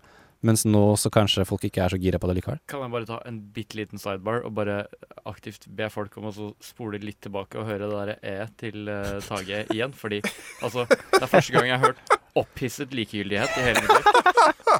Eh? Det skal bli sånn soundbite som du kan bare spille av hvis uh, filmen ikke er sånn. Det Ok. Meldingslyden Ja, da- jeg må- jeg måtte bare få det ut. Nei, oh, ja, greit. Yes, takk. Nei, for etter, Ettersom det jeg sier nå, så høres det kanskje ut som dette er verdens dårligste film. Men det er mye i filmen som funker. Det er veldig bra casting. Eh, Det er flere skuespillere som er veldig dyktige. For eksempel så har vi Sienna Miller. Hun er utrolig kul som denne elskeren til mafiabossen. Uh, Vi har uh, irske Brendan Gleeson. Altså Mad-Eye fra Harry Potter-filmene, Mm. som han er veldig ofte kjent som. Han er da faren til hovedpersonen, en irsk politimann. Uh, så det er veldig mange kule karakterer. Uh, veldig mange kule skuespillere, men som at karakterene rett og slett er skrevet på en litt flat måte. Ja, så er det kanskje litt manus og skuespillerprestasjoner som bare gjør at filmen faller litt sammen. For det blir jo sånn, hvis du ikke Hvis, som du sier da, hvis alt føles utroverdig ut, så blir det liksom vanskelig å nyte filmen, liksom. Ja. Selv om alt det estetiske og uh, designet og settene er kule, så Mm. blir det litt sånn Det, det hjelper liksom ikke da, hvis uh, karakterene ikke er kule og Ja, er så, bra. så den falt litt flatt. Det er deler av den som jeg definitivt syns er kule. Mm. Men når jeg gikk ut av den kinosalen, så følte jeg meg litt sånn tom innvendig. Det var liksom ikke noe hadde, eh, Det er litt sånn når ikke, karakterer ikke får nok eh, personlighet, da, så har jeg ikke noe Jeg føler ikke noe for dem når de eventuelt dør og blir skada eller noe, blir utsatt for et eller annet. Ja. Jeg har en teori, og det er jo at dette er hans første eh, film hvor han uh, regisserer et sånn periodedrama. Mm. At han kanskje ikke helt eh, fikk det til å funke, da. For han har jo lagd filmer som er litt som bo, satt i Boston, eller uh, Argo, som var den der eh, hvor de skulle hente ut noen uh, folk fra en ambassade og sånne ting. og At det er litt mer sånn Argo blir vel en periodefilm, det òg? Jo, på en Ja. måte, men det er jo ikke fra så veldig lenge siden. Nei. Det er jo ikke liksom 20-tallet. Ja, Det var vel 70-tallet, var det ikke? 78, ja. Ja, så jeg vet ikke helt. Jeg bare føler at kanskje det er liksom alt det rundt som ødela for at fokuset hans på så skuespillet og på en måte karakterene, kanskje. Mm. Jeg Jeg, jeg, tror han prøver veldig, veldig hardt. For jeg tror han, han, han, han har et dundrende kompleks bare som følge av at han liksom havna litt i skyggen på, på Uh, Hva heter den filmen han lager med Matt Damon? Uh, Good Will Hunting. Good Will Hunting. Og også fordi han laga Daredevil, en film som han til stadighet har uttalt sjøl at han hater. shit, det er Og hvis du hører på Hvis du hører på um, uh, DVD Commentary på På eh, oh, fuck, hva er det for den? Eh, den eh, asteroidefilmen. Asteroide Armageddon? Armageddon, ja. Ja, ja. Han liker ikke den heller. Og han sier det liksom basically rett ut på DVD Commentary at, eh, at eh, han, han sa til eh, Han sa til regissøren at den filmen her gir ikke mening. Og det han fikk eh, beskjed om da, var at han skulle holde kjeft. Action blockbuster trenger ikke å gi mening da, Ben Affleck. Så jeg tror han bare prøver veldig hardt om dagen. Ja. er egentlig poenget mitt. Ja. For jeg har hørt at uh, på sis- Dette er jo basert på en bok fra 2012 av, av Dennis Lehane. Um, det er samme kar som har skrevet Gone Baby Gone, er det ikke det heter? Eh, jo. Ja. Uh, så visstnok så er dette en sånn stor, stor manus som man har lyst til å regissere veldig lenge. Mm. Men som dessverre Ikke funka helt. ikke funka helt. Ok, Men karakter, Simen? Eh, We gotta have it. Karakteren min den ender på en fire av ti. Ja. Og vel der, ja. Yes, rett og Men det er det jeg- Mitt inntrykk av filmen er også at folk rundt omkring ikke syns den var noe særlig. Så vi får se eh, hvordan det går med Affleck i fremtiden. Om, eh, for det er jo litt frustrerende for han nå at han har en ny film som han sikkert har jobba veldig hardt med, og så er det eneste folk spør om, er Batman, Batman, Batman. Så jeg vet ikke, kanskje han er litt sånn her Fuck dere, jeg gidder ikke å regissere Batman-filmen bare for det. Et sårt punkt i hjertet mitt for eh, Affleck, altså. Ja, ja det er jeg altså. Jeg digger det. Ok, uh, nå blir det Elida Høg Høgalmen med The End, og så etterpå så blir det jo en liten anmeldelse fra meg om den nye filmen Moonlight.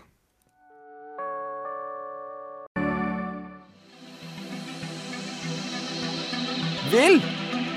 Vil! Vil! Venner lyver ikke. Elleve? Ikke hold denne nysgjerrighetsdøra lukka. Jeg elsker eggovafler! Målinger er for kaffe og kontemplasjon. Nei. Nei, det må gorgon. Nova Noir er ikke redde for å snakke om rare ting. Nå, Vi er ikke redde for å snakke om rare ting, fordi vi er litt rare selv, kanskje? Eller hva, gutter? Ja. Ja.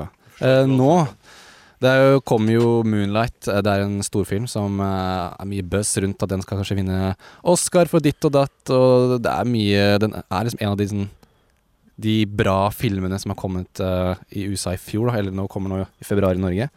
Uh, la oss høre trailer for å sette litt stemning, så skal jeg prøve å fortelle dere gutter hvorfor den er så utrolig bra og fortjener muligens å vinne Oscar. Oi.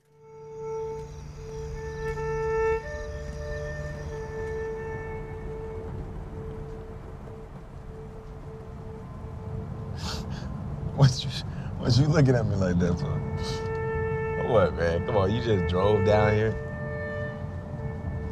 Yeah.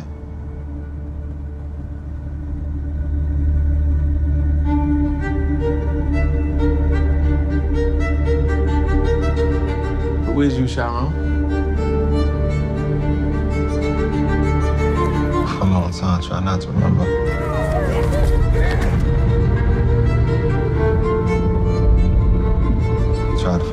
Times. Ja. Filmen handler om eh, Chiron, en gutt eh, som bor i Liberty City i Miami. Det er slags veldig sånn gettoen i eh, Miami, Florida. Eh, han bor med sin uh, single mor, som sliter med narkotikaavhengighet, og eh, en dag så blir han på en måte plukket opp av en lokal narkolanger, spilt av Mahershala Ali fra House of Cards, eksempel. Og han, han ser noe i den gutten. Han ser at han blir ertet, ser at han ikke passer inn, ser at det er noe annerledes med han. Og uh, sikkert relaterer til noe i han som han selv opplevde når han vokste opp uh, i gettoen der i Florida, og trer inn som en slags farsfigur og rollefigur for um, lille Chiron, da, som blir kalt Little av uh, alle de som plager han rundt omkring i området der han bor. Jeg vil først understreke at denne filmen er utrolig bare sånn nydelig å se på. Jeg husker at jeg så et sånt bilde fra den uh, for noen måneder siden. At dette var som en film som kommer ut snart. Da er det som en av de sånn indie-gullperlene vi kommer til å få i 2016 eller 2017. Og da tenkte jeg sånn, jeg bare må se den her. Liksom, et stillbilde var nok til at jeg bare Den filmen her må jeg bare se. Og den leverte helt sykt på det visuelle. Det vil jeg bare si, først og fremst. Um, vi har også Naomi Watts, som spiller moren til eh, lille Chiron. Hun leverer en helt utrolig bra rolleprestasjon. Og det er også mye buzz med, med Hørsla Ali, som spiller han derre Juan. Um, narkolangeren som tar seg av Charon, som også som beste bi, mannlig birolle på Oscarfestivalen. Eller Oscar som utdelingen som kommer nå snart. Uh, har dere hørt noe om Moonlight egentlig, gutter? Jeg har uh, egentlig kun sett uh, selve traileren. Jeg syns den var veldig stemningssettende.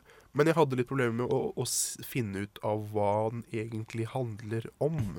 Jeg Altså- Tro, persondrama, eller karakterdrama? Ja, altså, det er jo et spørsmål som blir stilt i uh, traileren, og uh, det er et spørsmål som går igjen, som fungerer som en slags rød tråd gjennom hele filmen, fordi at filmen har en ganske spesiell oppdeling. Den følger denne karakteren Charon uh, gjennom hans barndom, hans ungdomsperiode på videregående, og som når han er voksen. Så det er på en måte nesten tre kortfilmer i én film, så, altså, hvor du på en måte hopper fra slags, slags tre kapitler, da, hvor han er, hvor han er little, hvor han er liksom ung, hvor han hopper litt til hvordan han er, er som ungdom, og hvor han på en måte litt ender opp eh, som voksen i slutten av 20-årene, men hele tiden så er, handler det om det derre hvem er du?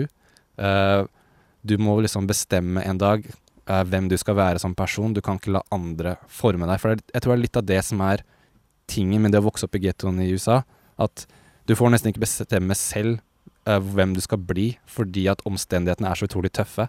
Og eh, det handler mye om identitet, og det jeg synes det er det som så, gjør filmen så personlig og så utrolig vakker, at det handler om um, identitet, om hvordan hvordan du skal på en måte finne deg selv i et uh, veldig uaksepterende miljø. Da. Så jeg syns det var på en måte det som gjorde at jeg syns den filmen var så utrolig uh, bra å se på. Fordi at det fikk meg til å tenke veldig mye på hva det egentlig handler om.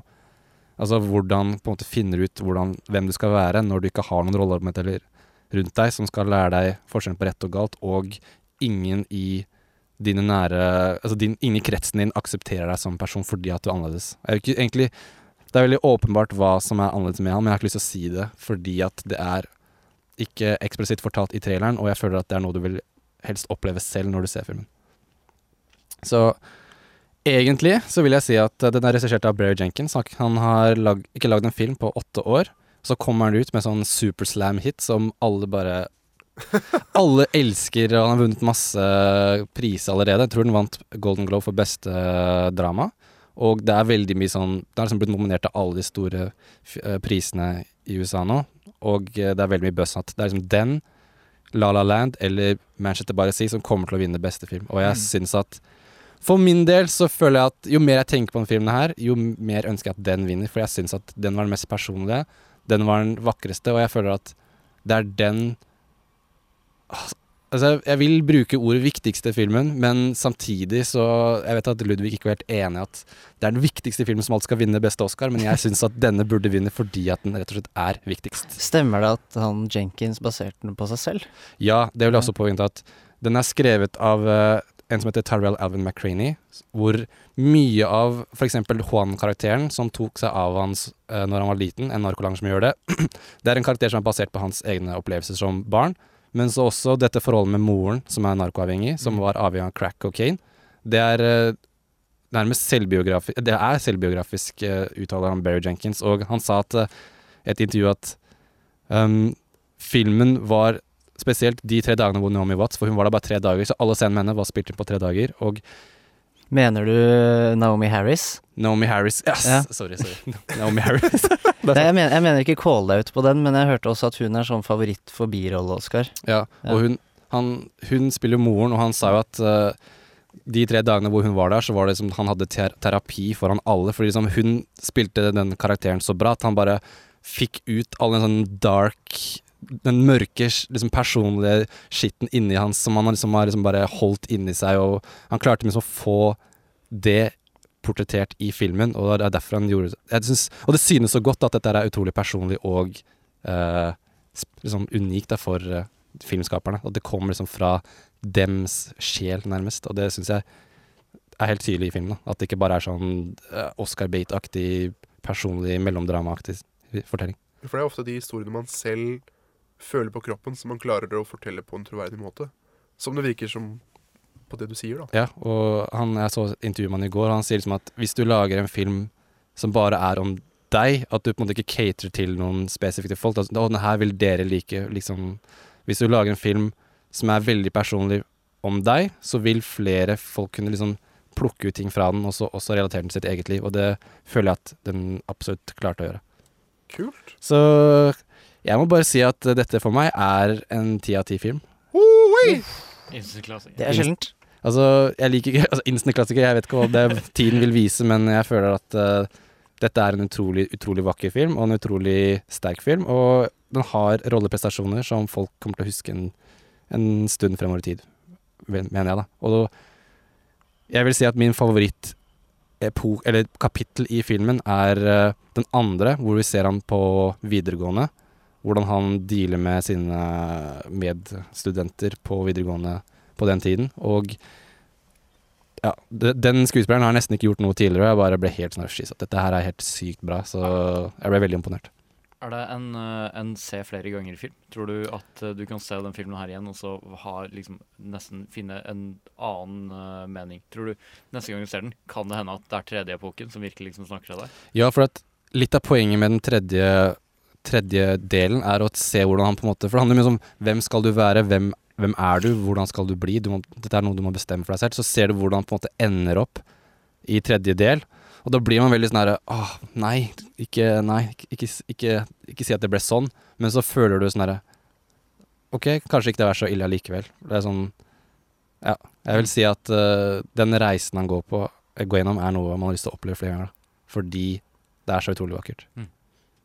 Så ja, ti av ti film eh, til Moonlight. Uh, nå får vi Todd Terje og The Olsens med Disco Circus, som jeg har hørt rykter om er en storfavoritt hos deg, Simen. Oh yeah.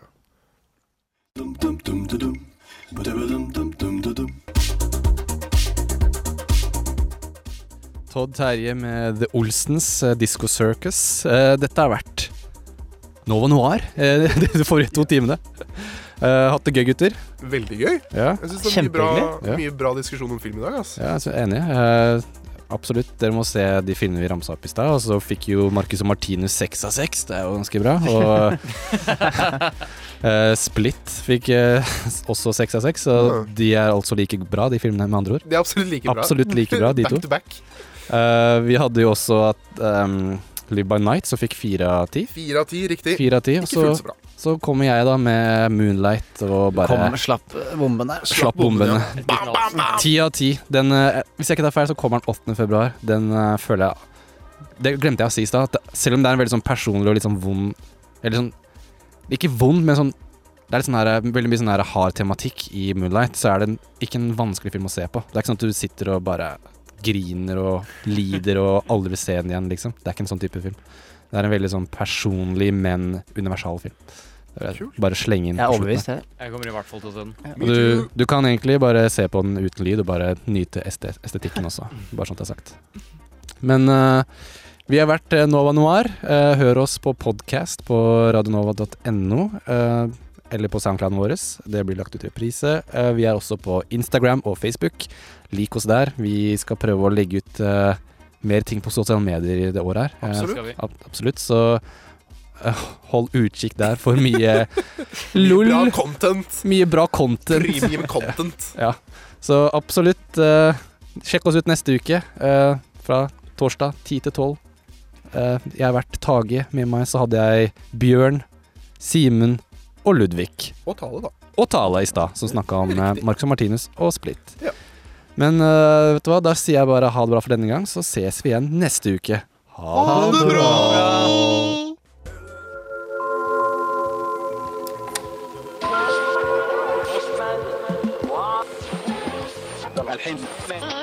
Nova er Oslo-studentenes helt egne radiokanal. Nå er det din tur.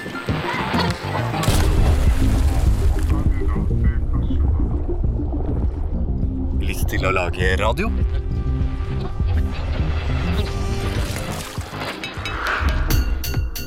Radionova søker nye medlemmer til radio- og nettproduksjon. For mer informasjon besøk radionova.no.